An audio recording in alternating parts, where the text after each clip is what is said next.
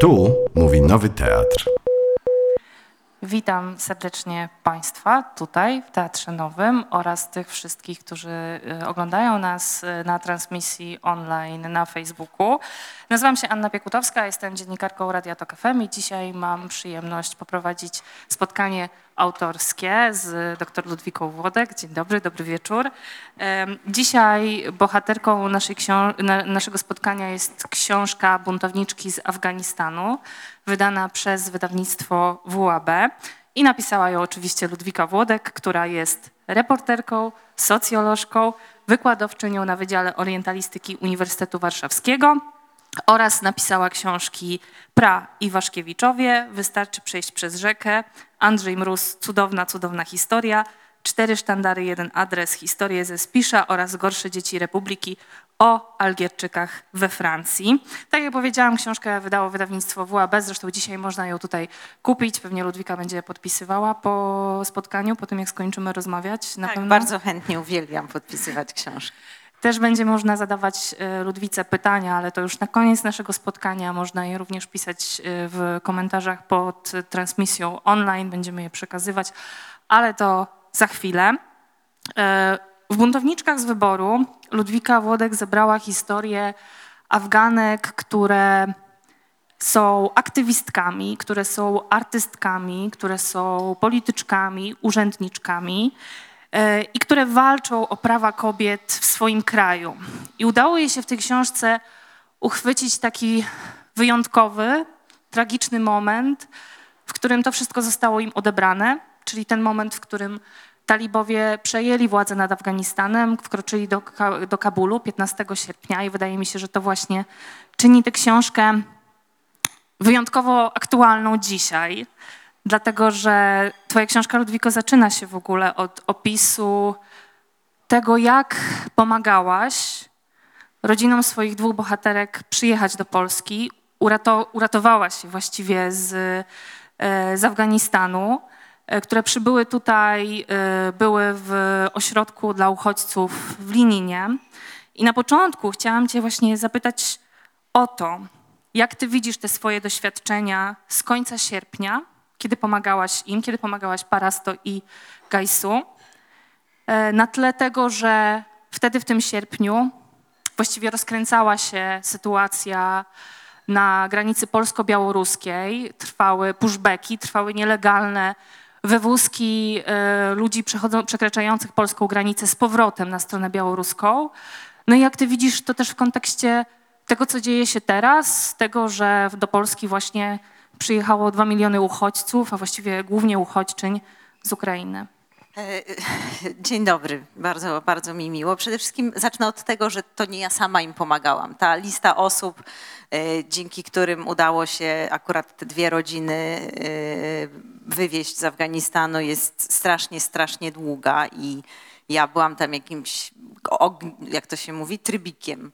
E, Ale, ale tak naprawdę to była naprawdę współpraca kilkunastu osób. Myśmy siedzieli na telefonie w zasadzie e, przez 10 dni po prostu non-stop. Były różne dramatyczne momenty, jak moja przyjaciółka Ewa Sztoker na przykład kupiła bilety e, na zły dzień, kiedy jeszcze nam się wydawało, że będą wylatywały z Kabulu samoloty. Włożyła w nie tam chyba 13 tysięcy, wszystkie oszczędności swojej mamy.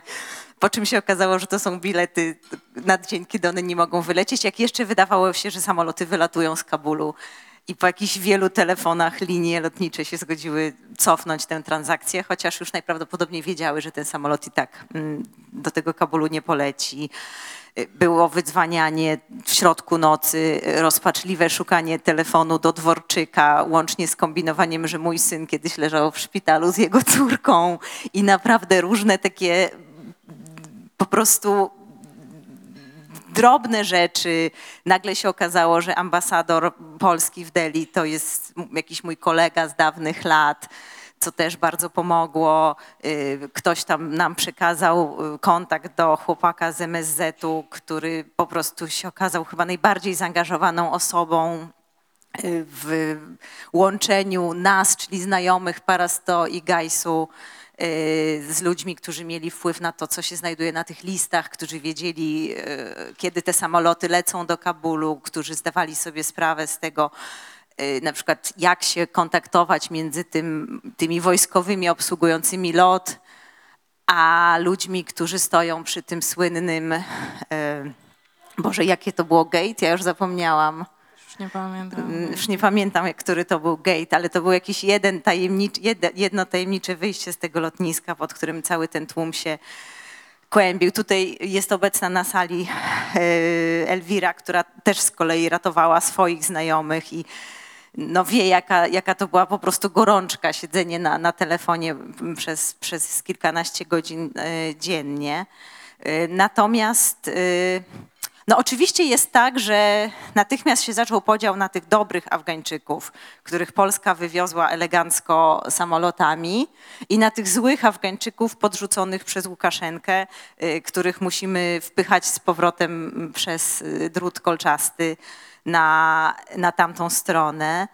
E, Co ciekawe, zresztą było takie spotkanie, bardzo zresztą fajne, zorganizowane przez y, y, kobiety, bizneswoman, przez taką naszą znajomą, która w ogóle udostępniła mieszkanie swojej mamie, Gajso i Parasto na kilka miesięcy.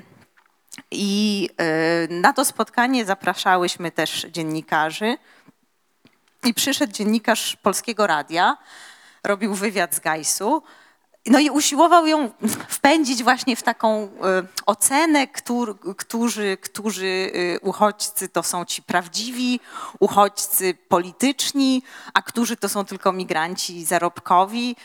Ale Gajsu bardzo ładnie z tego wybrnęła, powiedziała, że każda osoba y, ma prawo złożyć wniosek o ochronę i granica to nie jest miejsce, na, gdzie należy oceniać, czy taka ochrona się człowiekowi należy, czy się, y, czy się nie należy. Więc y, no oczywiście to, to, co się działo, to, co się działo na tej granicy i najgorsze jest to, że to się dzieje cały czas, no, że cały czas mamy na granicy z Białorusią osoby, którym odmawia się e, wjazdu do Polski i które zgodnie z najlepszymi tradycjami Unii Europejskiej są pushbackowane, bo to się nie dzieje tylko na polskiej granicy, ale e, działo się w różnych innych miejscach, e, skąd e, e, ludzie spoza Europy próbowali się do Europy e, dostać. E, Przecież pamiętamy, jak w ogóle na samym początku, przez tych pierwszych kilka dni, e, w ogóle nawet ten e, wśród uchodźców z Ukrainy e, byli dzieleni uchodźcy na tych z ukraińskim paszportem i tym bez. Później to się na szczęście zmieniło i, i, i rzeczywiście już było tak, że wszyscy byli tak samo traktowani i wpuszczani, chociaż prawnie, prawnie ciągle mają- jest inaczej, tak? Jak ktoś ma paszport uzbecki czy, czy tadżycki, to, to jest mu po prostu dużo, dużo trudniej. Niestety niż, nawet z białoruskim jest trudniej. ni- niż jak ktoś ma paszport, e, niż jak ktoś ma paszport ukraiński. E, No chociaż ja z drugiej strony rozumiem, że to jest wszystko też trudne do mm, pewnie jakiegoś prawnego przeprowadzenia, ale, no ale z drugiej strony jest to po prostu bardzo, e, bardzo, bardzo przykre i to nie jest absolutnie wymierzone w uchodźców ukraińskich, którym jak najbardziej należy wszystko zrobić, żeby, żeby pomóc, y, tylko po prostu o to chodzi, żeby, żeby zrozumieć, że często ci spoza Europy, którzy y, znaleźli y, y, w Ukrainie jakąś przystań bezpieczną, no tak samo stracili wszystko i tak samo stracili dorobek całego, całego życia. No ale nie wiem, no dla mnie te sytuacje, ten upadek Kabulu i tych kilkanaście dni właśnie takiego straszliwie nerwowego y, poszukiwania wyjścia stamtąd dla naprawdę bardzo, bardzo wielu osób, bo y, rodzina Jori to jest tylko jakaś część ludzi, których stamtąd staraliśmy się y, wyciągnąć. I po kilku miesiącach znowu ta straszna wojna, i, i, a w międzyczasie jeszcze sytuacja na, na, na granicy białoruskiej, no to wszystko taka była dosyć brutalna i mocna lekcja tego, że w zasadzie trudno jest cokolwiek planować y, w życiu i że takie rzeczy, które wydawało się, że jednak się nie staną, to owszem się, się dzieją po prostu.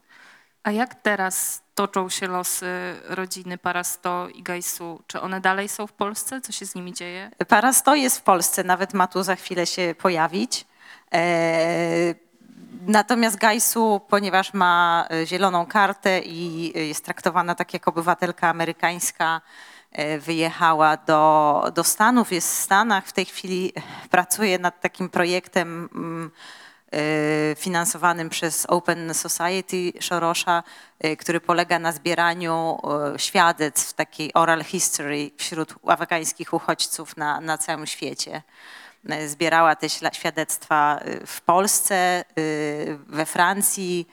Mm, Teraz jeździ po różnych miejscach w Stanach i, i też po prostu rozmawia z tymi e, afgańskimi rodzinami. A rozmawiałaś z nimi o tej sytuacji raz, że na białoruskiej granicy, a dwa, że o ukra- uchodźcach ukraińskich? Jakie one E, mają zdanie na ten Tak, temat? no znaczy jakie mają zdanie? No jakby każdy normalny człowiek wydaje się, że ma takie samo zdanie, więc, więc one oczywiście mają, mają podobne zdanie. No tyle tylko, że jest taka gorzka refleksja, że no, że po prostu jednak tym Afgańczykom, jak tu przyjechali, było trudniej i nadal jest trudniej. No to, że na przykład, e, to, że na przykład, y, jak oni byli w tym lininie i to było, ich, ich było tam dziewięć osób i jak chcieli pojechać do Warszawy, to naprawdę płacili kilkadziesiąt złotych za y, bilety autobusowe, bo tam jeździ jakiś autobus L, którym trzeba pojechać do Góry Kalwarii, z Góry Kalwarii trzeba jechać pociągiem, pociąg albo y, autobusem, który jeździ na Wilanowską, z Wilanowskiej się trzeba przesiąść do metra i w rezultacie, żeby się dostać do centrum Warszawy, musieli wydać naprawdę dużo pieniędzy. No w tej chwili ktoś wpadł na świetny pomysł, że można po prostu dla uchodźców zrobić y, darmowe przejazdy. No i to co, się, to, co było trudne dla tysiąca osób, nagle okazało się, że dla dwóch milionów jest do zrobienia i polskie państwo się nie zawaliło z tego powodu y, póki co, więc no czasem po prostu znaczy ja się bardzo, jak, jak, jak mówię, ja nie chcę być źle zrozumiana i się strasznie cieszę z tej ogromnej solidarności, którą Polska okazuje uchodźcom z Ukrainy i uważam, że absolutnie nie ma, in, że trzeba się tak zachowywać. No tylko no, też mam taki żal w sobie, że, że, że po prostu nie, nikt nie wpadł na to, na to wcześniej i to przy takiej liczbie, która w zasadzie dla mm, 38-milionowego państwa po prostu nie ma żadnego znaczenia. W swojej książce piszesz, y, że ten 15 sierpnia dla wykształconych Afganek to była śmierć za życia. Ale zanim to się stało, to jednak w Kabulu, w Afganistanie, wytworzyła się grupa właśnie aktywistek, urzędniczek, polityczek, kobiet, które działały na rzecz Afganek. I chciałam Cię zapytać, czy to, że one się tam znalazły, to, że ta grupa istnieje i istniała, to jest zdobycz tylko tych ostatnich 20 lat y, od y, interwencji amerykańskiej w Afganistanie, czy jednak tych źródeł trzeba szukać dalej gdzieś w historii? No to jest oczywiście tak, że kropla drąży skałę i, historia dwudziestowiecznego Afganistanu y, to jest historia taka dwa kroki do przodu, jeden krok wstecz, dwa kroki do przodu, trzy kroki wstecz, trzy kroki do przodu, trzy kroki wstecz. Y, Pomysły modernizacji Afganistanu y, zaczęły się y, mniej więcej tak samo jak pomysły modernizacji Turcji, modernizacji w ogóle całego tego świata muzułmańskiego jeszcze w XIX wieku, kiedy świat muzułmański został skonfrontowany z potęgą Zachodu i został trochę taki jakby wstrząśnięty z tego swojego letargu, w którym się pogrążał mniej więcej od jakiegoś XV wieku. To znaczy, kiedy się zaczął pogrążać w ten sen, myślały, myślały te społeczeństwa muzułmańskie, że są najpotężniejsze na świecie, że islam jest największą religią, która panuje od Gibraltaru po, y, po właśnie daleką, daleką Azję. E, Później jeszcze były te sukcesy tureckie. Przypominam, że ostatni mina, minaret mamy na Węgrzech, mniej więcej dwie godziny z Polski samochodem. E, I w, nie wiem, w Kamieńcu Podolskim też jest minaret, na którym akurat stoi Matka Boska teraz, ale kiedyś był minaret.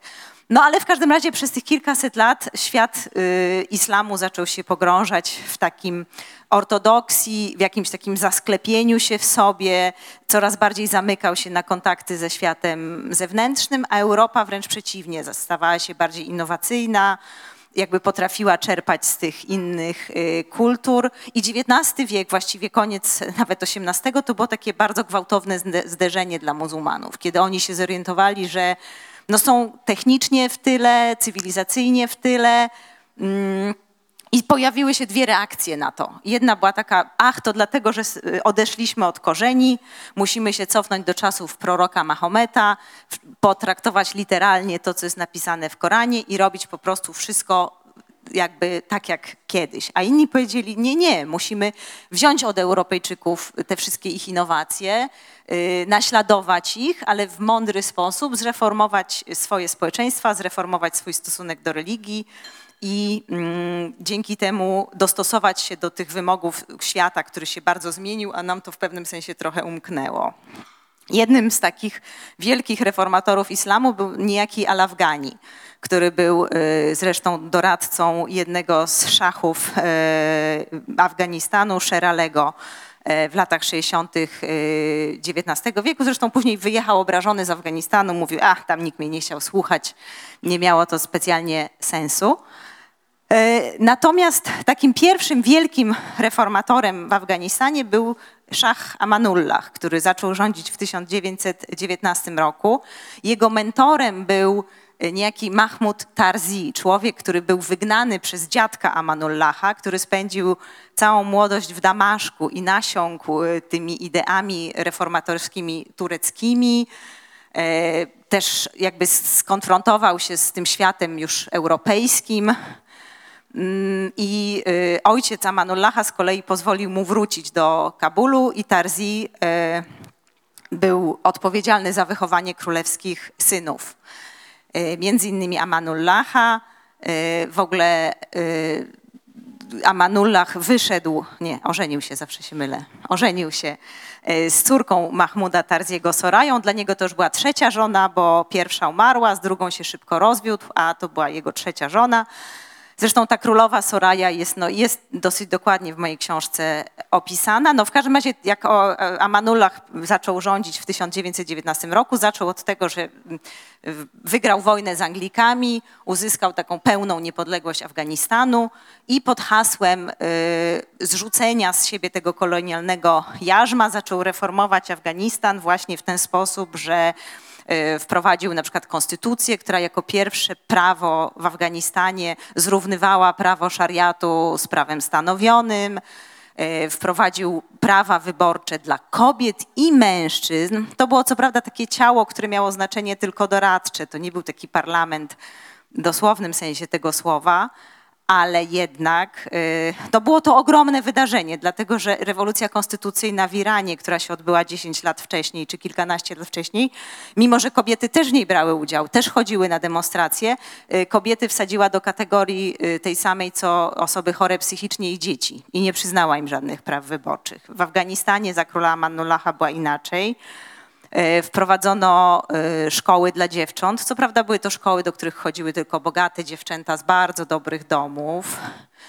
E, Zaczęto ograniczać poligamię, to znaczy mm, wprowadzono nakaz uzyskania zgody e, na kolejne żony. Oczywiście to można było obejść, ale no jednak była, był, był to jakiś postęp w stosunku do tego, co było wcześniej. No sam król jakby stosował się do tego, a Manullah już po ślubie z Sorają nie miał żadnej innej żony. Co prawda już później po wygnaniu w Europie miał podobno liczne kochanki, ale żony drugiej nigdy sobie nie wziął. W odróżnieniu od swojego ojca Habibullaha, który miał tych żon zdaje się kilkadziesiąt, ponieważ y, z każdą prowincją, którą zamierzał utrzymać w państwie afgańskim, zawierał taki sojusz, że po prostu brał sobie za żonę e, dziewczynę z głównego rodu e, w danej e, prowincji. W każdym razie te reformy Amanullaha to był taki pierwszy moment, kiedy Afganistan zaczął się zmieniać, także myśląc o prawach kobiet. Później Amanullah został obalony w 29 roku.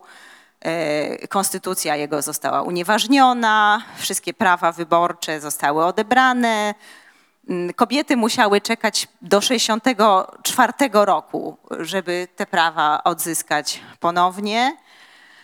E, Ale kolejny, kolejnym takim e, reformatorem był już właśnie powojenny premier e, Daoud, Mm, zresztą z tej samej rodziny królewskiej, bo właściwie w Afganistanie zawsze rządziła ta sama rodzina i wywodząca się z tego samego plemienia Durranich, które w ogóle założyło Afganistan jako niepodległe państwo w połowie XVIII wieku. I no, na przykład jak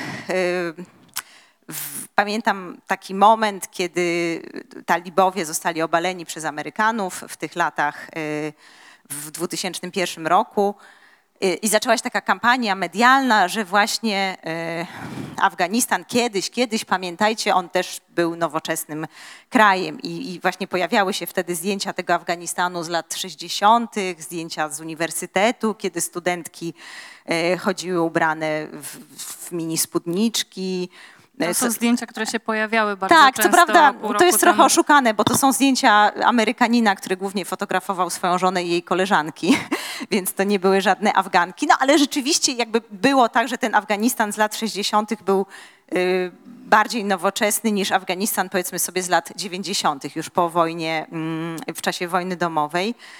E, Były różne próby modernizowania. Była ta właśnie taka nacjonalistyczno-etatystyczna za Dauda, później komuniści też zrobili wielki w tym postęp. Na przykład my jesteśmy wychowani w takim kulcie mujahedów, e, w kulcie tego myślenia, że e, właściwie Sowieci zrobili ogromną krzywdę Afganistanowi, co jest oczywiście prawdą, ale z drugiej strony ta fala modernizacyjna w latach 80. była ogromna i e, jak się rozmawia z Afgankami e, takimi no, z pokolenia powiedzmy 60 plus, to w ogóle to Zamone Najib, czyli te czasy Najiba, czyli prezydenta Najibullaha, są wspominane jako taka złota era, okres, kiedy właśnie kobiety mogły pracować, kiedy nikt nie wymagał od nich, że będą nosiły chustki, e, kiedy można było się załapać na stypendium na uniwersytet do Moskwy albo do Leningradu, e, kiedy eleganckie mieszczańskie rodziny Kabulu mieszkały w wymarzonych mieszkaniach w blokach w Makrajonie. To jest taka dzielnica, która wygląda jak e, no, dzielnica w każdym sowieckim mieście, gdzie są takie bloki, e, typowe sowieckie bloki, które no, uchodziły za taki, taki powiew właśnie zachodu, czegoś, czegoś nowoczesnego, czegoś, e, czegoś takiego wiążącego się z, jakby z, cały, z całą tą ideą, która, która, za tym, która za tym stała. Później, kiedy doszli mujahedzi do władzy, ci, którzy w Polsce są tak uwielbiani, Ahmad Shah Massoud, e, Rabbani, e, zaczęło się wycofywanie z tego wszystkiego. Dziewczynki z powrotem miały narzucony hijab e, do szkoły. Zaczęła się strasznie krwawa wojna domowa, która weszła do miast, bo wcześniej za Sowietów wojna była na prowincji. Była straszna, była okropna, zaminowywane były pola, y, ginęły na tych minach dzieci. Natomiast w dużych miastach był w miarę spokój i y, mm, rozwijało się takie życie, powiedzmy sobie, obywatelskie. Y, Natomiast w latach 90. wojna się przeniosła do Kabulu. To jest okres, kiedy Kabul został najbardziej zniszczony ponieważ mujahedzi się między sobą tłukli, ostrzeliwując na przykład z e, artylerii całe dzielnice, żeby siebie nawzajem wyniszczyć. No więc to jest taka fala kolejnego zahamowania tego rozwoju. Później przyszli najbardziej radykalni z tych mujahedów do władzy talibowie, którzy już po prostu e, no, zniszczyli resztki tej jeszcze komunistycznej modernizacji, którzy mm, zamknęli kobiety w domach, y, zakazali im chodzenia do szkoły, nakazali im noszenie burek. y, Kobiety nie mogły wychodzić y, na ulicę mm, bez męskiego spokrewnionego członka rodziny, y, nie mogły pracować. Jedyna praca dla kobiet to była praca lekarek w szpitalach kobiecych, no bo z drugiej strony ten fundamentalizm religijny nie pozwalał kobietom chodzić do lekarzy mężczyzn. No i później talibowie zostali jak obaleni przez. Amerykanów, tak. I 20 lat y, tej Islamskiej Republiki, o której pewnie jeszcze trochę porozmawiamy. No i ponowne dojście talibów do władzy, kiedy wszystko się powtarza. To znaczy cała historia się powtarza. Teraz jest na przykład moment, talibowie obiecali, bo teraz były ferie szkolne y, w Afganistanie, bo jest nowy rok, 21 marca, Nowruz. Y, była przerwa szkolna i talibowie obiecali, że po przerwie dziewczynki wrócą do szkół y, gimnazjalnych. Dzisiaj jest pierwszy dzień Dzisiaj pierwszy dzień i szkolnego. powiedzieli, że już nie, już wycofujemy się, jednak zamykamy szkoły. Szkoły były otwarte dwie godziny.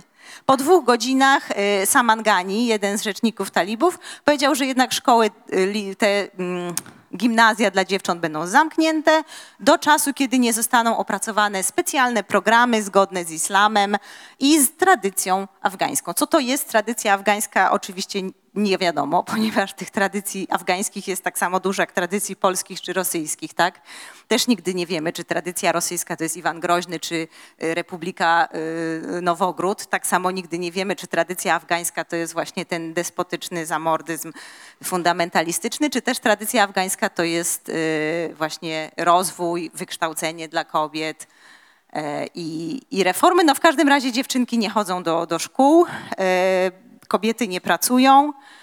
E, Milion afgańskich dzieci e, jest zagrożony śmiercią głodową. Jest bardzo, bardzo wysokie bezrobocie. Z kraju wyjechała właściwie cała inteligencja.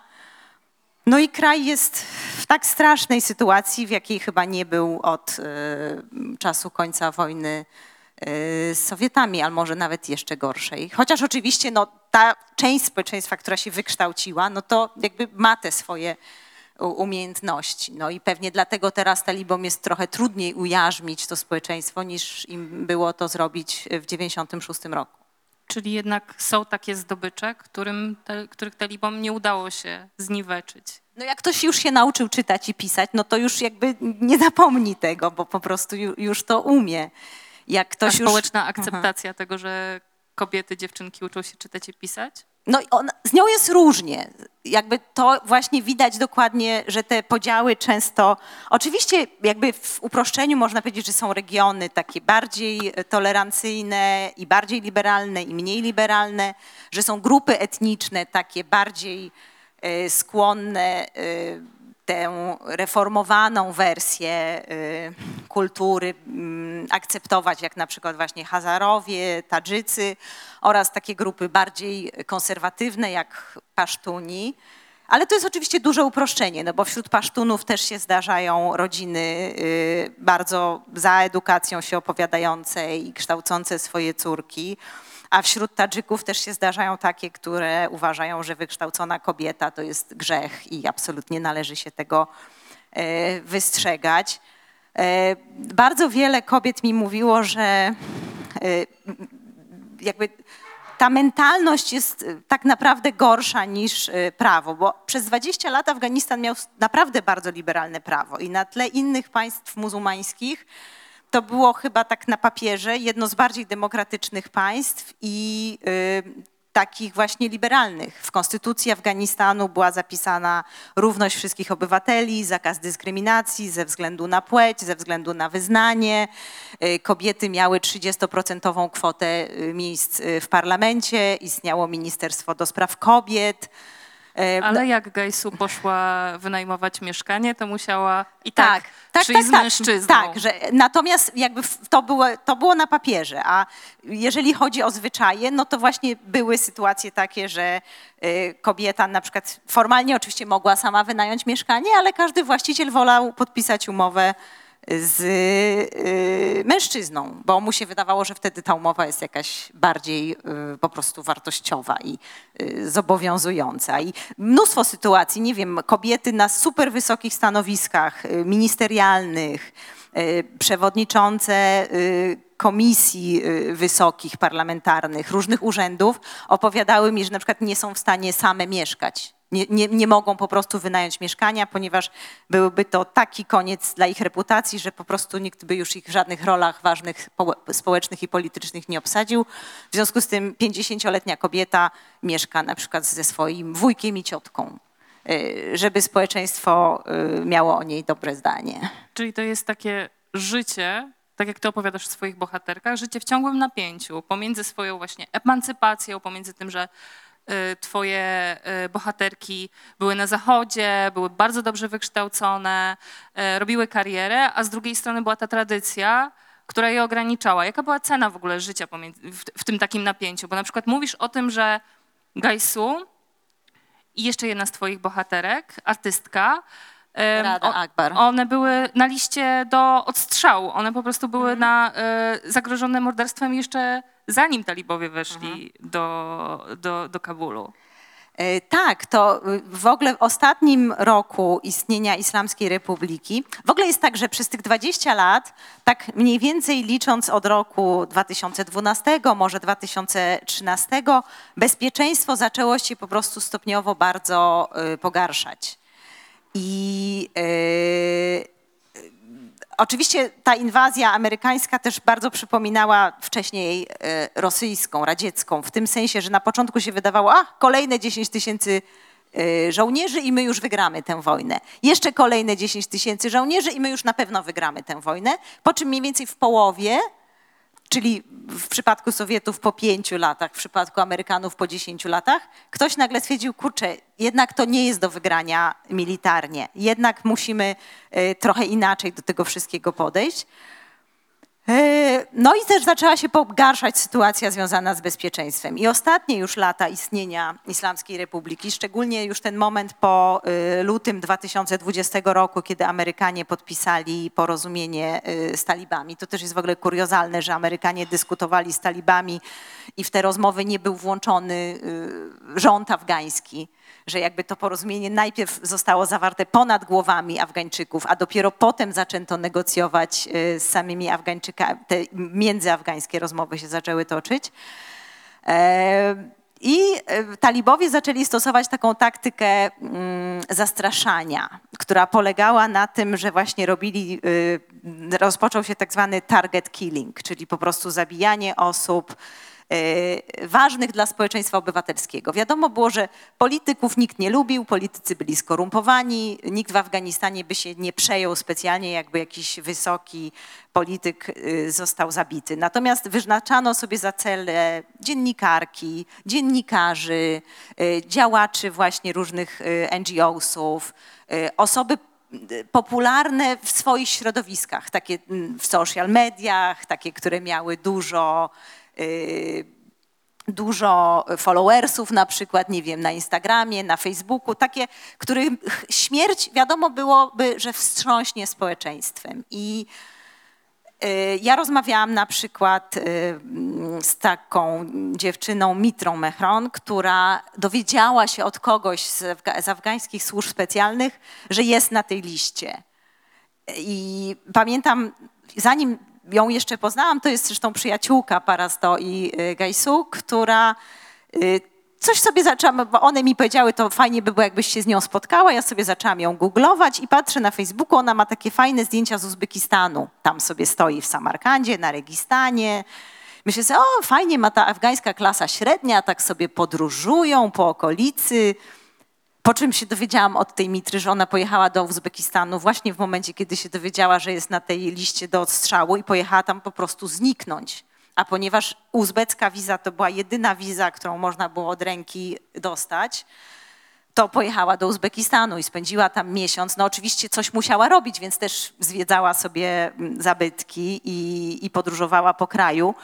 E, Ale tak naprawdę pojechała tam po to, żeby ratować swoje życie. I dokładnie to samo było z Radą Akbar. Ona z kolei pojechała do Indii, bo miała znajomego w ambasadzie indyjskiej, e, który też jej załatwił wizę. A też miała tak, że w ogóle zaczęto do niej dzwonić z jakichś dziwnych numerów, y, nachodzić ją w domu.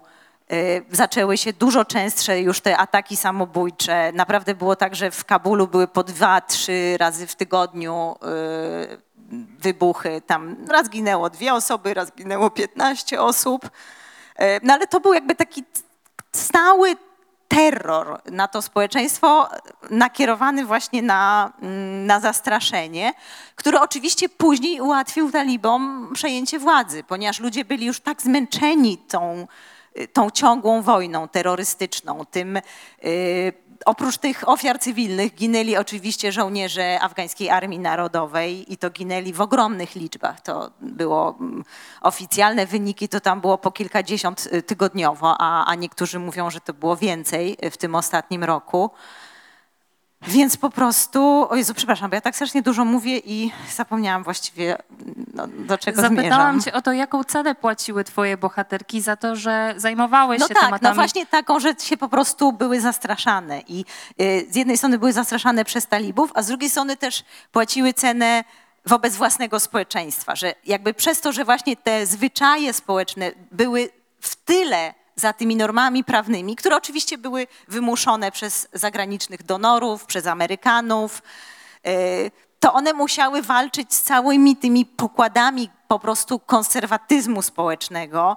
Y, Jakby nie było przepisów na to. No, na przykład jaka była różnica między Iranem a Afganistanem? W Iranie na przykład przez wiele lat kobiety formalnie nie mogły chodzić na mecze piłkarskie, a chodziły tłumy kobiet na mecze piłkarskie. Jest taki świetny film y, y, Jafara Panochiego, Offside się nazywa, o dziewczynie, która chce iść na mecz piłkarski, ale ją zatrzymują, ona jest przebrana za chłopaka i cały film się dzieje na zapleczu stadionu, gdzie taka jak ona dziewczyny są zatrzymane i gadają z tymi policjantami, którzy je zatrzymali. Ale to był Iran.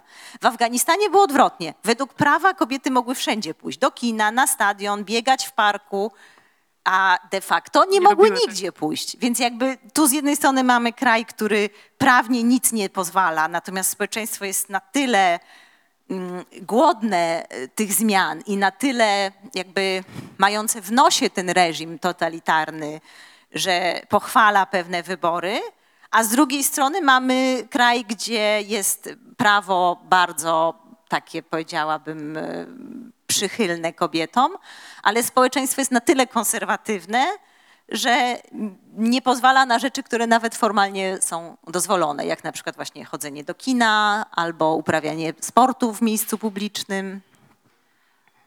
Czy twoje bohaterki nazywałyby się feministkami? Bo ty tak ich nie nazywasz No bo one jedne by się nazwały, inne by się nie nazwały. No nawet w Polsce mamy problem z nazywaniem się feministkami i jest mnóstwo kobiet, które mówi, no ja nie jestem feministką, ale jestem za prawami kobiet, a inne mówią, że są feministkami, więc e, to jest też słowo zachodnie, więc ono jest e, siłą rzeczy mniej popularne e, w Afganistanie.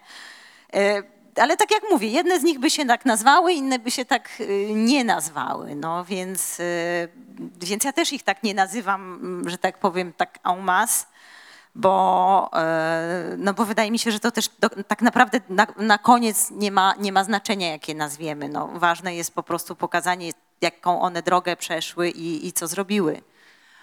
A jaki jest właśnie ten czynnik, który sprawia, że dziewczyna, kobieta się emancypuje, edukuje, zaczyna działać na rzecz praw kobiet, na rzecz polityki? Czy to jest klasa społeczna, z której pochodzi? Czy to jest pochodzenie etniczne? E, To jest skomplikowane, bo czasem wszystko po trochu i statystycznie, ja powiem tak, statystycznie jest y, na przykład y, około 40% największą grupą etniczną y, w Afganistanie są Pasztuni, ale w grupie kobiet działającej na rzecz praw kobiet jest niedoreprezentacja Pasztunów, a na przykład ewidentna nadreprezentacja Hazarek i nadreprezentacja Tadżyczek i Uzbeczek. Ale z drugiej strony powiedzieć, że pasztunek, nie ma pasztunek wśród działaczek na rzecz praw kobiet, no to by była ogromna niesprawiedliwość, bo też są. Statystycznie więcej jest tych działaczek, które pochodzą no jednak z rodzin z klasy średniej bądź wyższej, Y, no bo siłą rzeczy one miały większy dostęp do edukacji, one częściej miały wykształconych rodziców, co też oczywiście jest ważnym czynnikiem. Ale z drugiej strony powiedzieć, że to są tylko dziewczyny z klasy średniej i wyżej, no to też jest y, skrzywdzić te, które pochodzą z innych y, środowisk. E, Często mam też wrażenie, że to zależało po prostu od charakteru, że, mm, no, że jednak naprawdę y, trzeba było mieć silny bardzo charakter i być osobą szalenie e, zdeterminowaną, y, żeby angażować się w działalność na rzecz e, praw kobiet w, mm, Afganistanie i E, I może to jest, chyba, to jest chyba najważniejsze, jakby nawet poza tym, mm, poza tym środowiskiem, z jakiego się wywodzisz, bo, no bo wśród tych moich bohaterek, tak jak mówię, z jednej strony były takie osoby jak, nie wiem, Mahbuba Seraj, która była y, kuzynką y, Szacha Amanullaha, została wychowana przez swoich rodziców, członków rodziny królewskiej. Ona była jakby podwójną kuzynką. Z jednej strony Amanullaha, z drugiej strony jego żony Sorai. Tak. i wychowana była w kulcie tych reform Amanullaha i tak dalej, i tak dalej. No, a z drugiej strony na przykład y, jedną z moich bohaterek jest taka Fariha Esor, y, która pochodzi z prostej tadżyckiej rodziny z, z prowincji Parwan, y, która musiała zrobić po prostu, stoczyć ogromną batalię ze swoim ojcem, ze swoim dziadkiem, ze wszystkimi swoimi wujkami od strony ojca i, i właściwie o każdą duperelę się wykłócać. Ona mi mówiła, że że nawet jakby to, jest, to są takie rzeczy, których my sobie nie wyobrażamy, że ona musiała negocjować każde wyjście, każdy swój powrót po zmroku do domu, już nie mówiąc o tym, że zanim podjęła pierwszą pracę zawodową, to przez miesiąc negocjowała ze swoim ojcem, żeby mogła to zrobić. Yy, Kosztowało ją to mnóstwo łez, mnóstwo wysiłku, nie wiem, dyskusje o tym, dlaczego obcięła włosy, rozmowy, czy ma prawo się malować, czy nie. Mówiła, wiesz co, ja nawet nie lubię się malować, ale ja się maluję mu na złość, żeby on po prostu widział, że ja mogę się malować i jemu nic do tego. A jak mówiła, że na przykład mówi, jak miał ojciec pretensje, że obcięła włosy, to mówiła mu, a czy ja mogę tobie kazać nosić długie? I on wtedy w ogóle nie rozumiał, o co chodzi. On nawet do tego stopnia jakby miał to zinternalizowane, że, że w ogóle nie rozumiał jej pytań. Dlaczego ona odwraca tę sytuację w takim lustrzanym odbiciu? Trochę cię zapytałam o to pochodzenie aktywistek, dlatego że rozprawiasz się też z mitem tego, że y, na edukacji kobiet, na uczestniczeniu kobiet w życiu publicznym zależało tylko tym beneficjentkom z NGO-sów, a zwykłe kobiety to miały dość wojny domowej i w sumie to nawet odetchnęły z ulgą, kiedy weszli talibowie. No to jest oczywiście wielkie uproszczenie, e, które też było stosowane w mediach. Były na przykład takie liczne artykuły niejakiego Gopala. To jest taki autor, on publikował i w New York Review of Books, i w New, Yorkerze, i w New York Timesie. E, Pamiętam, że jego teksty były szerowane też na polskim Facebooku bardzo, bardzo licznie, zwłaszcza w środowisku arabistów i arabistek. Nie iranistów, nie iranistek, co jest znaczące. A czemu jest znaczące? Dlatego, że arabiści się nie znają na Afganistanie e, często.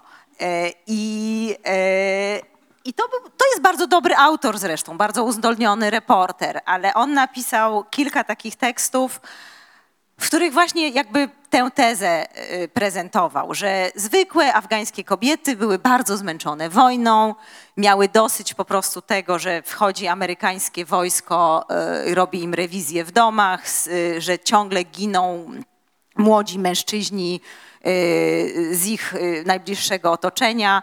Co jest oczywiście prawdą, bo Amerykanie no, nie byli święci. Zginęło mnóstwo cywili y, w czasie tej wojny.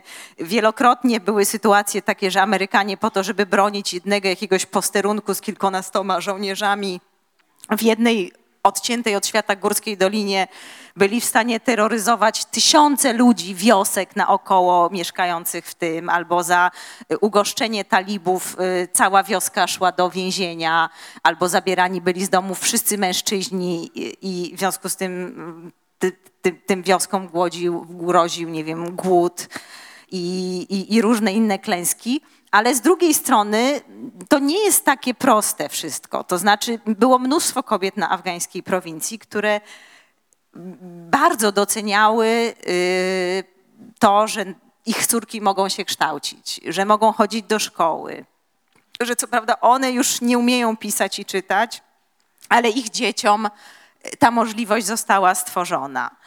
Y, I to też było często y, naprawdę taka wizja, że to tylko beneficjentkami tej transformacji są właśnie te klasy średnie z tych stosunkowo liberalnych miast, y, jak właśnie Kabul, Herat, Mazare, Sharif, no była takim wielkim uproszczeniem. Ja, ja pamiętam, że właśnie na te teksty Gopala y, takim najlepszym antidotum było, były dyskusje moich afgańskich znajomych, które jakby szerowały sobie ten tekst y, z takimi czasem kpiącymi pytaniami.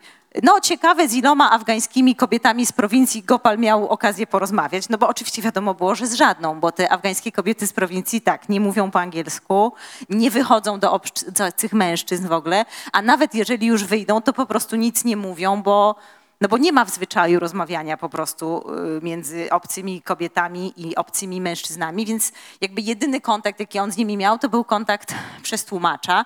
Najprawdopodobniej, ponieważ to były już wyjazdy często po tym, jak talibowie przejęli władzę, to był to nie tylko tłumacz, tylko był też talib obecny przy tej rozmowie, który był wysyłany zagranicznymi dziennikarzami teoretycznie dla pilnowania bezpieczeństwa.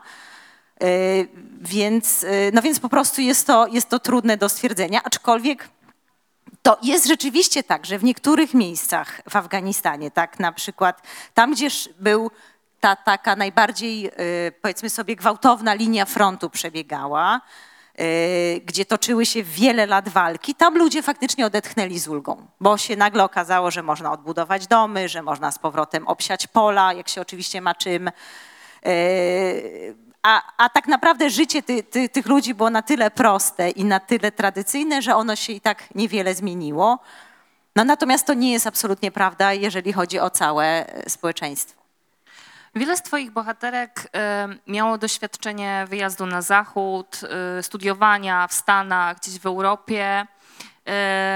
I za każdym razem byłam dość zaskoczona tym, że one jednak mimo tego wracały, że cały czas chciały jednak walczyć w Afganistanie, chciały ulepszać ten kraj, a nie zostawać na przykład na uniwersytecie gdzieś w, w Stanach. E, No tak, tak. Jakby większość tych moich bohaterek miało za sobą e, pobyty na różnych szkoleniach, studiach, e, stypendiach.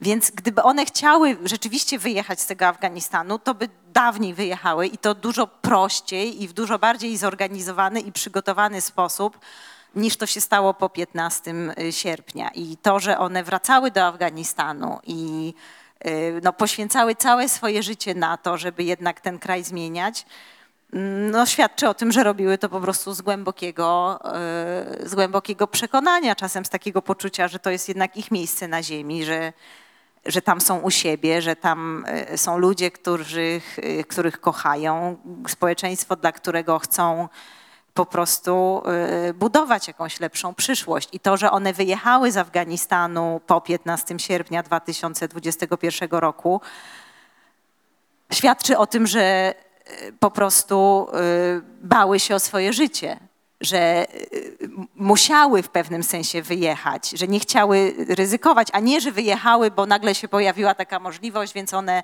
po prostu się zabrały i wyjechały. Bo możliwość one miały, one miały wcześniej tę możliwość. Najlepszym, mówimy, a ci talibowie wcale nie tacy straszni, Są najnowsze raporty. Dosłownie kilka dni temu ukazał się raport Amnesty International, UNAMA, czyli ta ONZ-owska misja w Afganistanie, publikuje co miesiąc takie krótkie sprawozdania. I wynika z nich, że y, z urzędników tego byłego reżimu y, kilkaset osób albo zaginęło, albo straciło życie. Y, Wiele kobiet, które protestowało w obronie swoich praw, y, zostało y, aresztowanych w dziwny sposób, przetrzymywanych. Wiele dziennikarek straciło pracę. Więc nawet część kobiet, która na początku myślała, że zostaną, a po miesiącu prób jakiegoś funkcjonowania w miarę normalnego w tym nowym państwie talibów, y, no jednak y, zdecydowała się na wyjazd. No to trochę tak jest, jakby naprawdę się za życia położyć do grobu. I y, ja nie mam po prostu moralnego mm, prawa, ja nie mam, ale też nikt z nas nie ma oceniać tych kobiet. No, z dziewczynami, z którymi rozmawiałam, z takimi, które zostały, najczęściej zostały, bo po prostu nie miały jak wyjechać. Nie dlatego, że taką podjęły świadomą decyzję. Y, I one, jakby to, że to jest umrzeć za życia, to nie jest moje określenie. Ja tego sobie nie wymyśliłam. To jest zdanie, które ja słyszałam wielokrotnie w czasie tych moich rozmów, które no już niestety prowadziłam zdalnie, tam przez jakieś Whatsappy, y, Signale i, i, i tak dalej. Y, I to jest tak, że często w tym państwie talibów to nie są rzeczy powiedziane wprost. Y, To są takie rzeczy, których się boimy potencjalnie. y, ta polityka talibów jest bardzo niejasna. Dodatkowo przez to, że już zupełnie leżą wolne media, to krąży mnóstwo fake newsów, mnóstwo różnych takich plotek. Y, I kobiety tak naprawdę nie wiedzą do końca, na co sobie mogą pozwolić. To jest tak, że jednego dnia na przykład y, można wyjść na ulicę i skandować y, hasła typu, nie wiem, przeciwstawiamy się mieszaniu się Pakistanu w sprawy wewnętrzne Afganistanu, a drugiego dnia za protest zdalny zorganizowany w czyimś mieszkaniu, który polega na tym, że siedzi się przed ekranem i ma się hasła dotyczące, że na przykład chcemy edukacji i żądamy y, równości dla wszystkich obywateli, można wieczorem y, dostać niespodziewaną wizytę talibów i na przykład skończyć w areszcie y, na, na miesiąc. Więc jakby wszystko polega na tym, że, to, że jakby przestały obowiązywać jakieś jasne reguły, które wcześniej też nie były do końca jasne, ale przynajmniej było jakieś prawo pisane, jakieś procedury. Jak ktoś miał wystarczająco dużo samozaparcia, y, siły woli, siatkę społeczną, to mógł przynajmniej w oparciu o nie czegoś tam się dobijać dla siebie. A teraz właśnie w zasadzie nic nie wiadomo. Tak, nie istnieje w ogóle system sprawiedliwości. Starzy sędziowie zostali zwolnieni, nowi nie zostali powołani. Sprawiedliwość jest wymierzana w jakiś kompletnie absurdalny sposób. Ile razy na przykład talibowie kogoś zabiją, w sensie policjantkę, y, dziennikarza, y, to zawsze mówią, o to nie my, to ktoś nie wiadomo kto, jakiś nieznany sprawca, my zaraz tutaj wszczynamy śledztwo i zaraz będzie wyjaśnione, y, kto doprowadził do tego czynu. I oczywiście w 99% przypadków te wyjaśnienia nigdy nie, nie przychodzą. I do tego teraz dochodzi sytuacja, w której szeroko rozumiany Zachód jest zajęty wojną w Ukrainie, więc jednocześnie robi się przestrzeń do tego, aby talibowie przykręcali tą śrubę. Y, Tak, teraz y, no, miesiąc już trwa prawie wojna. E, I szczerze mówiąc, talibowie chyba lepszego prezentu od losu nie mogli dostać. Zaczęły się przeszukiwania prywatnych mieszkań w Afganistanie. E, Wchodzą uzbrojeni bojownicy talibscy do ludzi do domów e, pod pretekstem szukania e, materiałów, jakichś zbroi, nie zbroi, tylko broni, materiałów wybuchowych. Przeszukuje się mieszkania, często znikają jeszcze jakieś, nie wiem, sprzęty z domu, jakieś resztki cennych rzeczy, które ludzie jeszcze czasem mają, chociaż coraz mniej, bo najczęściej się wyprzedają po to, żeby po prostu zapewnić sobie codzienne przeżycie.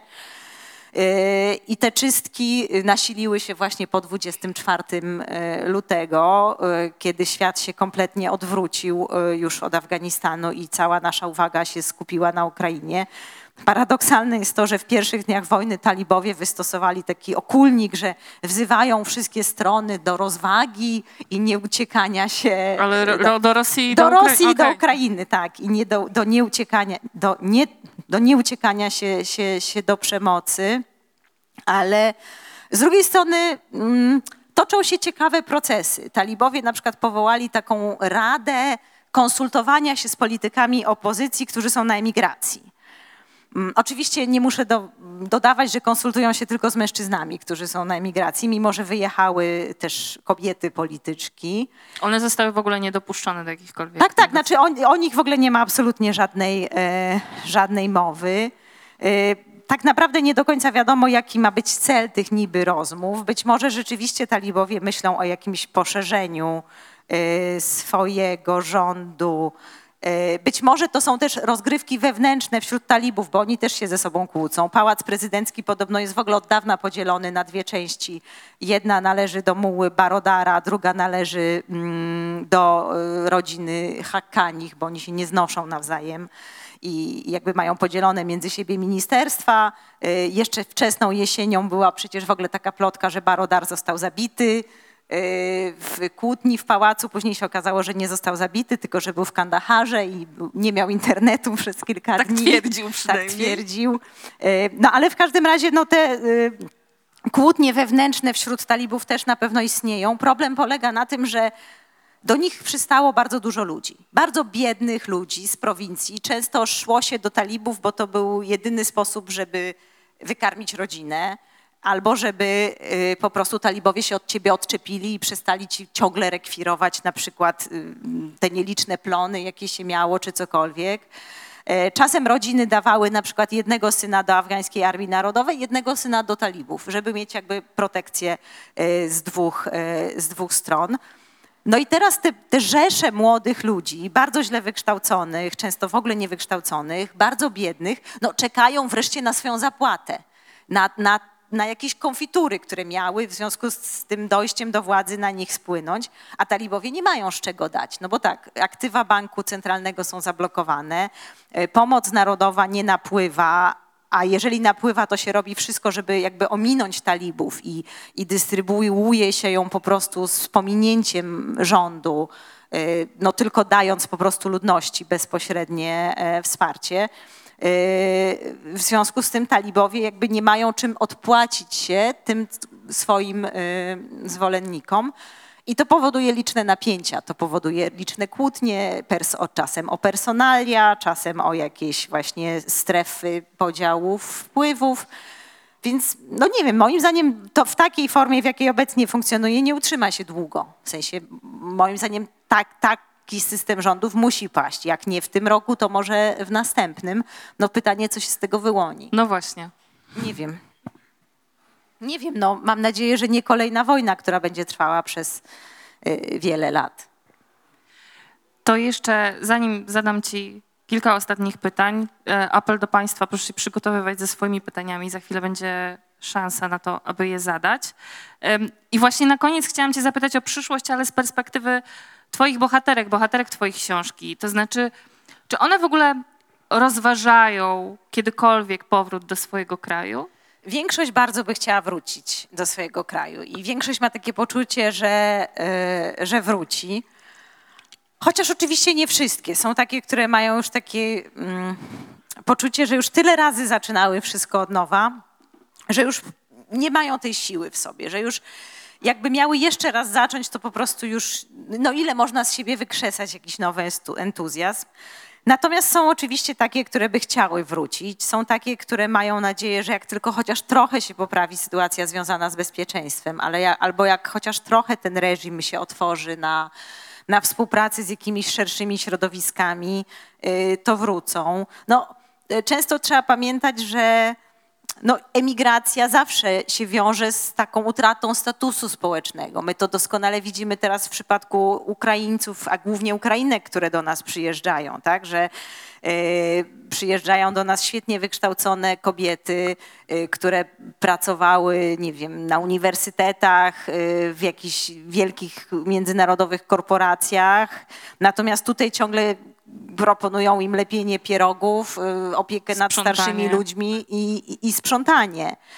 I, I oczywiście te mm, imigrantki z Afganistanu też nie wszystkie jakby odnalazły się w tej y, grupie społecznej, której, y, do której należały, kiedy zanim, zanim wyjechały z kraju. No i, i, i, i w związku z tym no wydaje mi się, że nikt chyba jakby miał możliwość wrócić do, do własnego kraju. Znaczy nikt, kto świadomie nie wybrał tego, tego wyjazdu, to, to by pewnie nie, nie przypuścił takiej okazji. No, chyba, że właśnie już jest tak rozgoryczony tym wszystkim, co się stało, że po prostu już nie chce po raz kolejny y, zaufać, że to jest naprawdę ostatni raz. A te bohaterki, czy któraś z twoich bohaterek dalej działa na rzecz Afganistanu? Pamiętam, jak rozmawiałyśmy po prostu w radiu kilka miesięcy temu o burmistrzyni miasta Mejdune Szachr, która jest teraz w Niemczech i która stara się na przykład organizować pomoc humanitarną dla Afganistanu. Tak, większość, większość z tych kobiet y, stara się różne rzeczy robić. One, y, no zwłaszcza takich, które trafiły do tych krajów, które się nadal Afganistanem interesują. Tak, tak bym powiedziała, bo, bo łatwiej jest działać, jak się jest, nie wiem, w Stanach na przykład, dla których jednak ten Afganistan ciągle jest jakoś tam istotny.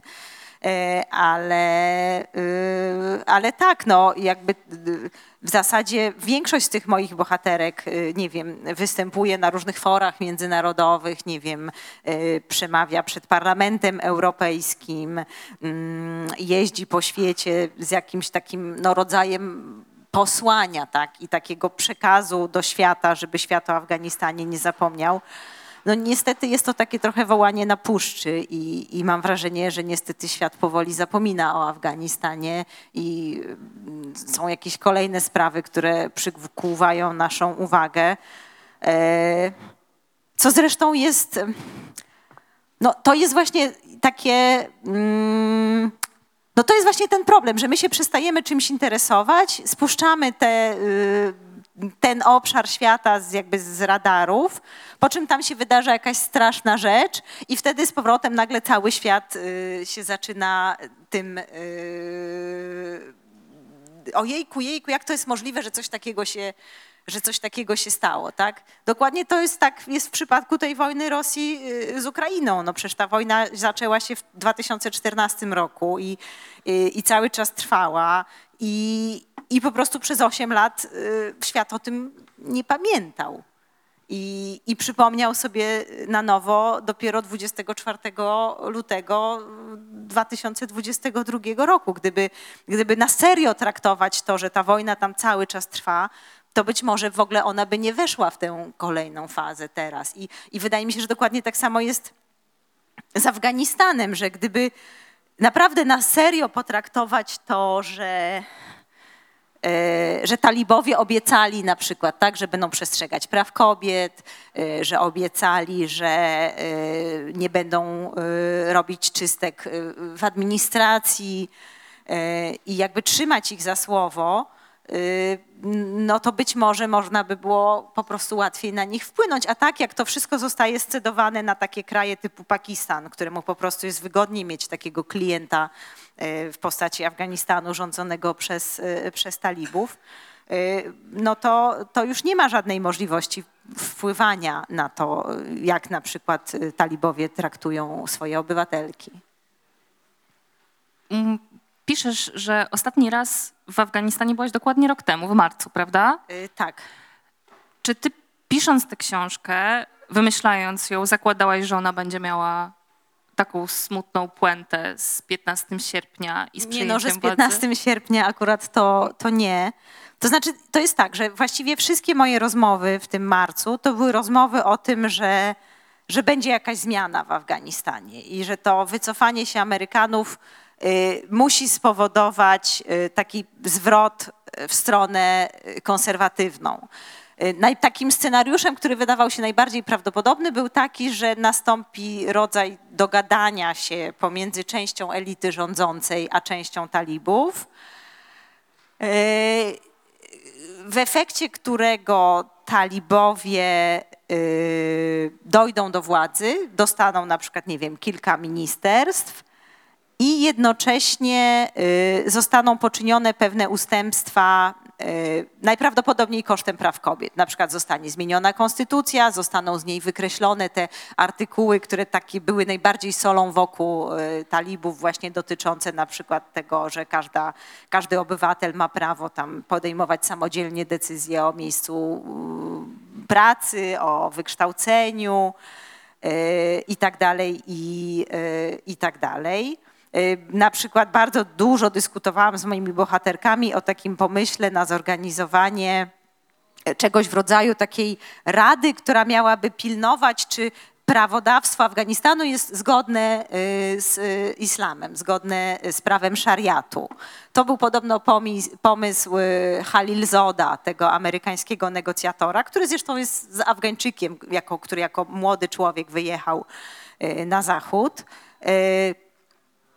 Niektóre z moich bohaterek mówiły, no kurczę, ta rada na pewno powstanie, to chociaż starajmy się mieć wpływ na to, jak ona będzie działać. Inne mówiły, to jest oburzające, przecież taka bardzo podobna rada działa w Iranie i tam Amerykanie ją strasznie krytykują, a w Afganistanie chcą wprowadzić dokładnie takie samo y, ciało, y, w związku z tym nie możemy się na to y, zgodzić. Nie wiem, oburzano się, że na przykład w tym teamie negocjującym z talibami są tylko cztery kobiety.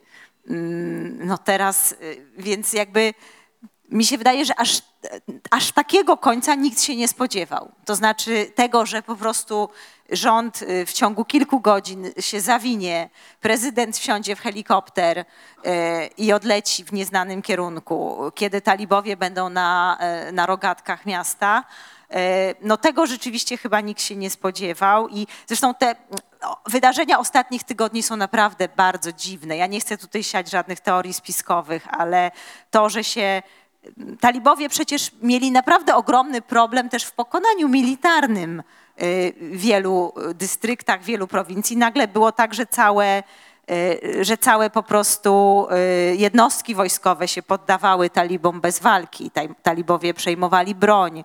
Y, Wiele moich afgańskich znajomych mówi, że to być może był jakiś rodzaj układu, że na przykład na kilka miesięcy przed tym końcem y, zostały zrobione, y, zmieniona polityka kadrowa w armii, że y, wyczyszczono armię praktycznie z wysokich oficerów innych, y, innych niż pasztuńskiego pochodzenia. Że, że być może jakby ten deal wewnątrz pasztuński pomiędzy Ashrafem Ganim, który też jest y, pasztunem z plemienia Gilzajów, a talibami, którzy też są pasztunami, y, był jakimś rodzajem układu. y, Nie wiem, no ja mam za mało danych. To są oczywiście wszystko rzeczy, to jest takie trochę wróżenie z fusów i, i wydaje mi się, że w tym momencie ktoś taki, kto jest tylko dziennikarzem i ma dostęp tylko do tych jawnych informacji, e, no po prostu jeszcze nie jest w stanie e, powiedzieć, co tam się tak naprawdę wydarzyło. No na pewno jest też tak, że w momencie, kiedy Biden ogłosił, że wycofamy się z Afganistanu i że to nastąpi do 11 września 2021 roku, mimo że doskonale wiedział, że talibowie nie respektują porozumień tego układu pokojowego, jaki zawarli z nimi Amerykanie. Jednym z warunków tego układu pokojowego było to, że będą się stale toczyły rozmowy pokojowe wewnątrz afgańskie i że one jakby będą w pakiecie z tym wycofaniem się Amerykanów.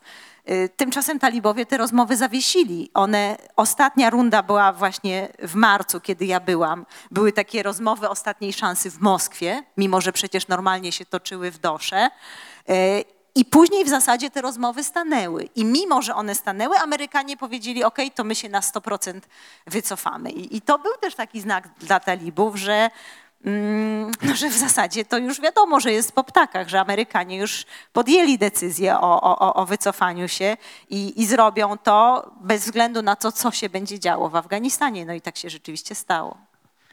Proszę mi wybaczyć, muszę jeszcze zadać jedno pytanie, ostatnie, obiecuję, ale musisz opowiedzieć o swojej sukience. Moja sukienka to jest sukienka, którą sobie kupiłam w Afganistanie bardzo dawno temu. To jest y, pasztuńska sukienka, y, bardzo taka zdobna, przepiękna. Y, Ja trochę nawiązuję tą sukienką do takiej akcji afgańskich kobiet z albo końca sierpnia, albo z początku września 2020 roku kiedy talibowie właśnie próbowali narzucać ten nowy dress code i y, y, było takie słynne, kompletna szopka, jaką zorganizowali na uniwersytecie w Kabulu, kiedy zgonili tam niby studentki ubrane w takie czarne abaje w takim arabskim stylu, kompletnie jakby w ogóle niespotykanym w Afganistanie. I wtedy różne Afganki y, w mediach społecznościowych zaczęły wrzucać swoje zdjęcia właśnie w tych pięknych, ludowych afgańskich strojach, y, które są właśnie takie kolorowe, które są takie pełne haftów, falbanek, złotek, zdobień.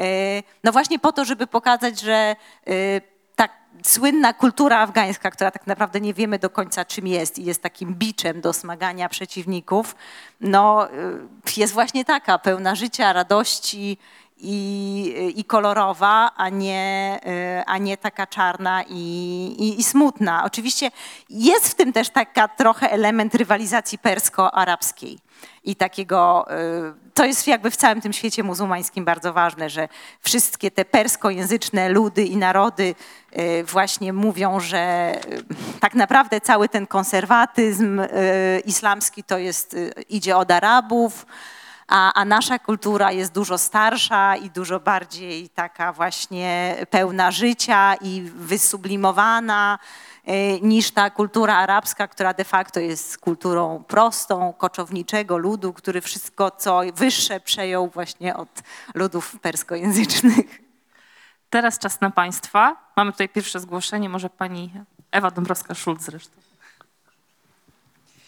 Dwie uwagi, jedno pytanie. Jeżeli szukamy etykietki, to może nie feministki, tylko emancypantki w tym dokładnym słownikowym znaczeniu, że one chcą się wyema- wyemancypować. Drugie, e, kiedy Tak, pani bardzo, mówi, bardzo dobra uwaga w ogóle.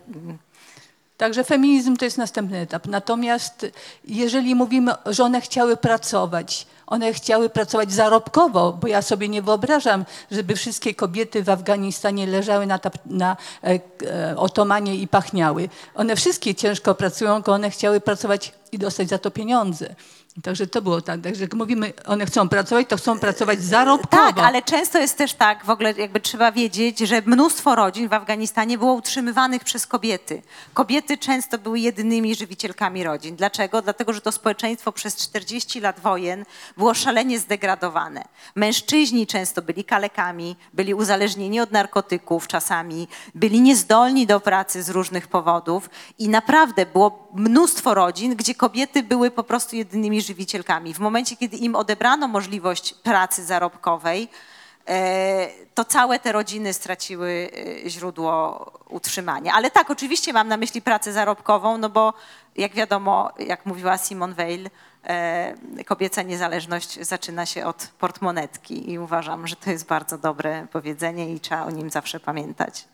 Dziękuję Pani za tę piękną książkę, bo mam prezent dla mojej córki, dzięki Pani. Natomiast czy jest, ja nie znam tego kręgu kulturowego na tyle dobrze, jaka jest szansa, żeby te kobiety, które umieją czytać i pisać, tę umiejętność przekazały swoim córkom, wnuczkom? Czy jest możliwe tajne nauczanie? E, Tak, jest możliwe tajne nauczanie. E, Tajne nauczanie kwitło za poprzednich rządów talibów. I e, to było zorganizowane zupełnie tak, jak moja babcia mi opowiadała w czasach II wojny światowej, kiedy chodziła teoretycznie na kursy szycia i pisania, po czym zostawiała w progu torbę e, z materiałem i nićmi i uczyła się o francuskiej literaturze średniowiecznej. E, I w Afganistanie też było pod pretekstem właśnie różnych e, nauki, różnych praktycznych umiejętności były prowadzone lekcje e, czytania i pisania dla, dla dzieci. Zresztą jedna z moich bohaterek, Homeira Koderi, napisała taką piękną książkę. Mam nadzieję, że może ona zostanie też przetłumaczona na polski, Dancing in the Mosque w którym właśnie opisuje to swoje doświadczenie za poprzednich rządów talibów, kiedy jako młoda nastolatka e, uczyła dzieci z okolicy czytać i pisać pod pretekstem tego, że uczy ich modlitw. I to się działo pod samym okiem talibów, właśnie w takim naprędce zorganizowanym meczecie, który po prostu się zmieniał na szkołę. I, i w tej chwili też wiem, że taka działalność jest y, prowadzona oczywiście, no, natomiast y, no, nie ma się co oszukiwać w tajnym nauczaniu. Nie, nie wykształci się tak społeczeństwa, jak można by je wykształcić po prostu w szkołach prowadzonych przez y, instytucje państwowe. Prosimy. Jakoś tutaj pani się... Prosi, prosimy poczekać na mikrofon. Będzie panią dobrze słychać. Dziękuję, Dobry wieczór. E, Mam pytanie. Twoim zdaniem, i tak jak znasz e, społeczeństwo, e, pomijając samą grupę talibów, którzy wrócili do władzy, w społeczeństwie afgańskim jaki procent mężczyzn rzeczywiście popiera prawa kobiet? Nie wiem, to jest trudne, to jest bardzo trudne pytanie, bo, e, no bo nigdy nie były prowadzone takie badania, wydaje mi się. Poza tym też każdy rozumie co innego przez prawa kobiet. Jeden będzie uważał, że prawa kobiet to jest to, że nie należy kobiet bić i należy im dawać na przykład do jedzenia tyle, co innym członkom rodziny, bo nawet w niektórych rodzinach tego się nie przestrzega, a inny będzie uważał, że prawo kobiet to jest prawo do podstawowej edukacji, a inny będzie uważał, że prawo kobiet to jest prawo do decydowania jakby w pełnym spektrum o, o sobie, więc no więc strasznie trudno. Ja, ja nie potrafię na to pytanie y, odpowiedzieć. A, a, a może gdybyś, to może inaczej, a, a czy można powiedzieć, jaki procent mężczyzn w Afganistanie można nazwać postępowymi, takimi w ogóle otwartymi na, na, na ideę zmian?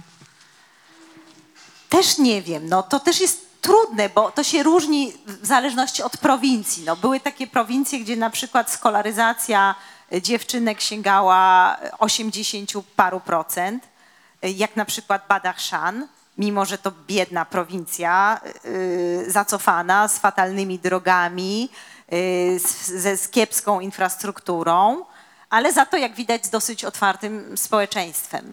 A były takie prowincje jak na przykład, nie wiem, Helmand y, czy Kandahar, gdzie do szkoły chodziło znacznie mniej dziewcząt i chłopców. No ale teraz pytanie, czy dlatego chodziło ich mniej, bo tam były prowadzone działania wojenne i po prostu w dużej mierze to było niebezpieczne posyłać dzieci do szkół, czy na przykład pod pretekstem tego, że to jest niebezpieczne, nie posyłano ich, bo po prostu uważano, że to jest kobiecie do niczego y, niepotrzebne.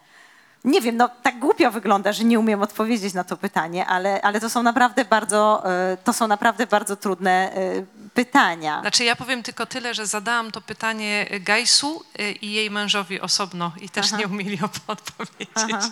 Ale no, jest, jest to intrygujące, tak? Tak naprawdę pod tą powierzchnią, ile jest tego poparcia dla normalnego życia. Dziękuję. Bo właśnie, dokładnie, w Polsce też nie wiadomo. M- Maybe I should, because we have Parasto Jori with us. Uh, good morning, Parasto. I'm really happy to see you with us. Maybe uh, the, the question was, uh, how many, uh, what is the percentage of men in Afghanistan who support uh, uh, women empowerment? You can join us. Uh, Dobry wieczór. Maybe it's right or wrong. Hello to everyone. Uh, uh, uh, I'm happy today because Ludwiko can wrote historical book about the uh, women uh, uh, life, yeah, and and. Uh, um, thank you for you because uh, you uh, coming and, and uh, hearing about the uh, Afghan women uh, situation and Afghan women lives too. I will better translate. Uh, I try to translate you. Uh, bar, uh, bardzo dziękuję za to, że przyszliście. Bardzo dziękuję Ludwice, że napisała taką wspaniałą historyczną książkę o kobietach w Afganistanie. Uh, and um, especially uh, thank you for uh, uh, uh, Ludwiko because he wrote one book and uh, especially the Afghan activist, not uh, one generation, maybe in two, three generation.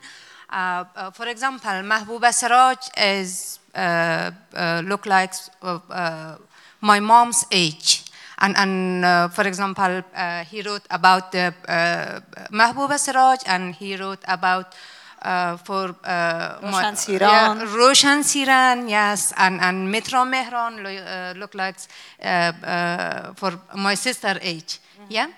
Tak, czyli dziękujemy, dziękuję e, Ludwice, że napisała o różnych kobietach, aktywistkach w różnym wieku. Tutaj też przytaczane były imiona i nazwiska. Nie wiem, może chcesz e, bardziej niż ja. No tak jakby chodzi o to, że to jest kilka pokoleń kobiet, które jakby mają różne doświadczenia i te moje bohaterki, no z jednej strony właśnie jest ta Mahbuba Seracz, którą już wspominałam, czy właśnie Roshan Siron, która y, była młodą aktywistką w czasach komunistycznych rządów y, w Kabulu, posłanką do parlamentu y, w latach 80.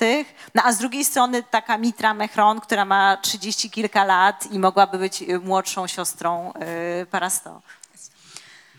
Today I'm happy and uh, not happy because you know in our country three days ago New Year, our New Year, and after uh, maybe the third of day in the New Year started the school, and you know today today the girls' school is not open. We was crying about the daughter, about the girls. How can solve this problem? And uh, in the evening, uh, I'm happy uh, because uh, this book is launched for uh, Ludwiko and, and, and the, uh, the Polish kind uh, people. And, and, and I'm thankful for the, uh, the uh, Polish uh, people, especially the Polish women. I'm so sorry. Uh, I'm thankful about the Polish women because, because I know, I understand strongly for me. Więc y, jestem dzisiaj i szczęśliwa, i nieszczęśliwa, dlatego że trzy dni temu był y, nowy rok. Dzisiaj dzieci poszły do szkoły i niestety dziewczynki nie miały takiej możliwości, więc Poszły i zaraz musiały wracać. tak. I dzisiaj rano nad tym płakałam i zastanawiałam się, co możemy z tym zrobić, a teraz jestem tu z Państwem i jestem bardzo szczęśliwa. Chyba wszystko. Nie, nie umiem tłumaczyć, bardzo przepraszam. And uh, you know, uh, if I enter the site and I see Ludwika and I miss my country again because I'm so sorry. I lost everything because I have not Afghani dress. Because why, why this night or, or this event I cannot wearing my Afghani dress because I, I, I haven't my, uh, my culture uh, uh, dresses. And, and, and just uh, we have uh, a scarf and this is also, and, and our clothes, our all helping also. All, we have everything, and, and now for the Polish women.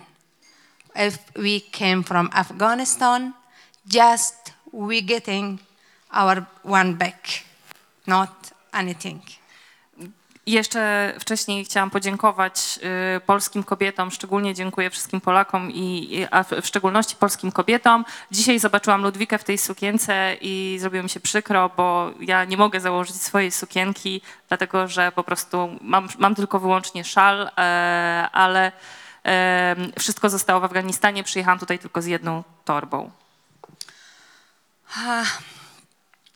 Afghan women uh, studied and make it decision and uh, make it everything. And you know, after 20 years, they lost everything, and now they're fighting. You know, and uh, for Taliban, face to face, just Afghan women fighting face to face and and and uh, now the uh, schools also cannot open. Yeah. Again, our fighting is starting, and and we uh, uh, if. Uh, Another Afghan women, the every country, they, they came to every country, they raise the voice, the all uh, uh, uh, girls' voice, and the, the, the, the, the, world, and, and the European Union country, and also and, and, and uh, the US, Canada, or, or, or the, the every uh, country we uh, can raise uh, the uh, girls' voice uh, because they need to go to the school and, and why they cannot go to the school. And we can speak about the the women activists, the human activists, and, and also the, the, the, the people of the, uh, the, the every country, especially the Polish country, uh, you cannot accepting the Taliban. Please and, and you uh, speak your government and you cannot accepting the Taliban because the Taliban cannot accept the women. Taliban cannot accept the open-minded uh, people. Taliban cannot accept the all the the the, the, uh, uh, the all Afghan open-minded people. Mm, Kobiety z Afganistanu straciły wszystko, mogły podejmować po, polityczne decyzje, mogły się uczyć, teraz są pozbawione tego wszystkiego. Tu wielka prośba do wszystkich krajów, krajów Unii Europejskiej, krajów Zachodu, Ameryki, Kanady i tak dalej, o to, aby nie zaakceptowali rządu talibów, żeby nie zaakceptowali talibów, dlatego że em, oni nie pozwalają e, uczyć się dziewczynom. Pomożesz mi jeszcze tutaj? No tak, chodziło też o to, że te Afganki, które wyjechały, są takim głosem e, afgańskich kobiet na świecie. E, Jakby cały czas się starają m, przypominać światu o tym, że w Afganistanie są łamane podstawowe prawa kobiet, że w zasadzie Afganistan jest chyba jedynym krajem na świecie, gdzie po prostu kobiety są e, pozbawione prawa do edukacji w tak brutalny sposób. I jeszcze jest to sprzedawane pod, pod takim hasłem, że to niby jest y, sprzeczne z islamem, co jest ewidentną nie, nieprawdą, bo nawet takie konserwatywne islamskie kraje y, dopuszczają edukację dziewcząt. And uh, you know, an Ukrainian people, I'm so sorry about them too, because our situation is same. And Ukrainian people has good chance. Af- uh, Ukrainian refugee has good chance. Why? Because the all European um, uh, country opened the border. Yeah, they accepting and the US also released the paper we uh, every embassy used to uh, American visa uh, for Ukrainian refugee, and our situation is same, and maybe maybe the uh, the uh, the some country or the all country is uh, working uh, different the refugee, you know you, you uh, maybe you wrote it or, or you read it about the Afghan refugee situation. And now you see the Ukrainian refugee situation. I'm so sorry about them because they are also lost everything and they have a lot of, they have all European Union countries and they has also US, Canada, Britannia, or, or, or, or, or all country for them. And Afghan, uh, and, uh, Afghan uh, refugee, uh, just uh, uh, not all country open the border. I'm, uh, thank you uh, for the uh, uh, Polish government and the Polish people because they also accepting the uh, Afghan refugee. And you know, uh, two, three women I know in, in their event, they coming. And thank you for for hard working about helping not just my family, all Afghan refugee. They can help a lot. And, and I'm asking the world, I'm asking the, the all country, why your work is different, Afghan refugee and, and, and Ukrainian refugee. Why? This is human, human, humanity, this is humanitarian uh, uh, role.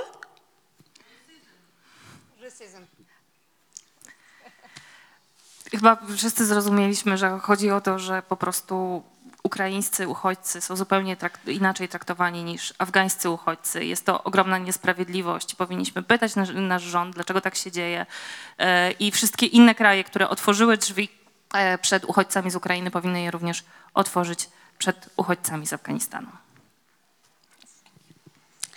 Uh, thank you uh, again. Thank you for uh, Ludwiko, and thank you for you all. You hearing? Uh, uh, uh, I cannot good speak because today was I I haven't good situation because if I heard and I uh, wrote it, the uh, Af- Afghan uh, girls school uh, cannot open. Our situation is changed really, really hard uh, day to day. And, and uh, thank you for you, thank you hearing uh, uh, uh, my speaking, and, and thank you for Ludwiko, and especially, especially thank you for the uh, Polish people. Uh, they are helping a lot Afghan refugee. Thank you. Bardzo dziękuję wszystkim Polakom, którzy pomagają afgańskim uchodźcom. Thank you very much. Thank you. Czy jeszcze są jakieś pytania? Czy ktoś chciałby coś dodać, czy kończymy? Dobrze, to o, proszę bardzo. Ja, ja chciałam zapytać, czy można jakoś oszacować, jak wielka była ta emigracja po 15 sierpnia? I ile osób wyemigrowało? No oczywiście szacunkowo. A poza tym do jakich krajów trafiły i, i gdzie głównie się koncentrują? Czy są jakieś ośrodki w jakichś krajach, w jakichś miastach? Y, E, To było na pewno kilkaset tysięcy, być może y, nawet y, milion, może ponad milion. Trudno jest oszacować, dlatego że oczywiście największej ludzi, najwięcej ludzi wyjechało do dwóch ościennych krajów, to znaczy do Iranu i do Pakistanu i wiele osób wyjechało tam po prostu nielegalnie. I nie umiemy policzyć liczby afgańskich uchodźców, którzy są po prostu nielegalnie w Pakistanie i w Iranie. E, No, wiemy, że na przykład, nie wiem, Stany przyjęły kilkaset tysięcy osób, Szwajcaria na przykład y, znacznie, właśnie e, Szwajcaria zdaje się przyjęła, już nie pamiętam, jakąś taką strasznie małą liczbę, e, chyba 300 osób. Y, Nie, nie wiem, czy teraz nie, nie, nie mylę, czy 300, czy 3, 3 tysiące, ale, ale na pewno bardzo, bardzo mało, mimo że szwajcarskie na przykład NGOsy były mocno zaangażowane w Afganistanie. Sama znam rodzinę, y, gdzie dziewczyna pracowała w szwajcarskim NGOsie i później się dowiedziała, że niestety nie może przyjechać do, y, do Szwajcarii. Niemcy przyjęły dużą liczbę uchodźców stosunkowo y, do inne kraje europejskie, Wielka Brytania, y, kilkanaście tysięcy, y, Kanada. Natomiast jak mówię, najwięcej, najwięcej ludzi jest oczywiście w, mm, w Pakistanie i w Iranie. Trochę też jest w Tadżykistanie i w Uzbekistanie. W Tadżykistanie jest na przykład cała ta polityczna emigracja y, bliska Ahmada Masuda, syna Ahmada Shaha Masuda, y, czyli ta grupa, która próbowała wywołać to antytalibskie powstanie w Panszirze, które zostało y, jeszcze we wrześniu stłumione. E, No poza tym ja mam wrażenie, że to nie jest koniec y, ucieczek z Afganistanu, że ta sytuacja w Afganistanie, ona niestety będzie się cały czas pogarszać i, i w związku z tym to będzie wzmagać desperację ludzi i, i, i chęć po prostu y, wyjazdu y, z tego kraju. Ja, ja ciągle znam ludzi, którzy bardzo by chcieli wyjechać i po prostu szukają możliwości, żeby, żeby to zrobić. Bardzo dziękuję Tobie przede wszystkim. E, Bardzo dziękuję Państwu, osobom, które nas oglądały przez internet na, e, streamu, na streamingu na Facebooku. Przypomnę tylko, że książka, o której dzisiaj rozmawiamy, nazywa się Buntowniczki z Afganistanu. Wydało ją wydawnictwo WAB. Patronat nad nią sprawuje duży format, a jeśli Państwu mało Ludwiki, to można jeszcze się wybrać na spotkanie e, w Krakowie w spółdzielni Ogniwo 31 marca o 19 też będzie transmitowane online. Tak, jeszcze będzie w Warszawie 12 kwietnia. To raczej już nie do Państwa, no bo ja rozumiem, że ile można mnie słuchać, ale na przykład jak Państwo znają kogoś, kto chciał przyjść, a nie mógł, to można mu przekazać, że jeszcze będzie szansa za chyba, nie wiem, dwa czy trzy y, tygodnie. Y, W Muzeum Azji i Pacyfiku 12 y, kwietnia. I można kupić książkę Spotkanie. A można kupić książkę i ja ją chętnie podpiszę za chwilę, jakby ktoś chciał. Bardzo Bardzo dziękuję. dziękuję, bardzo dziękuję.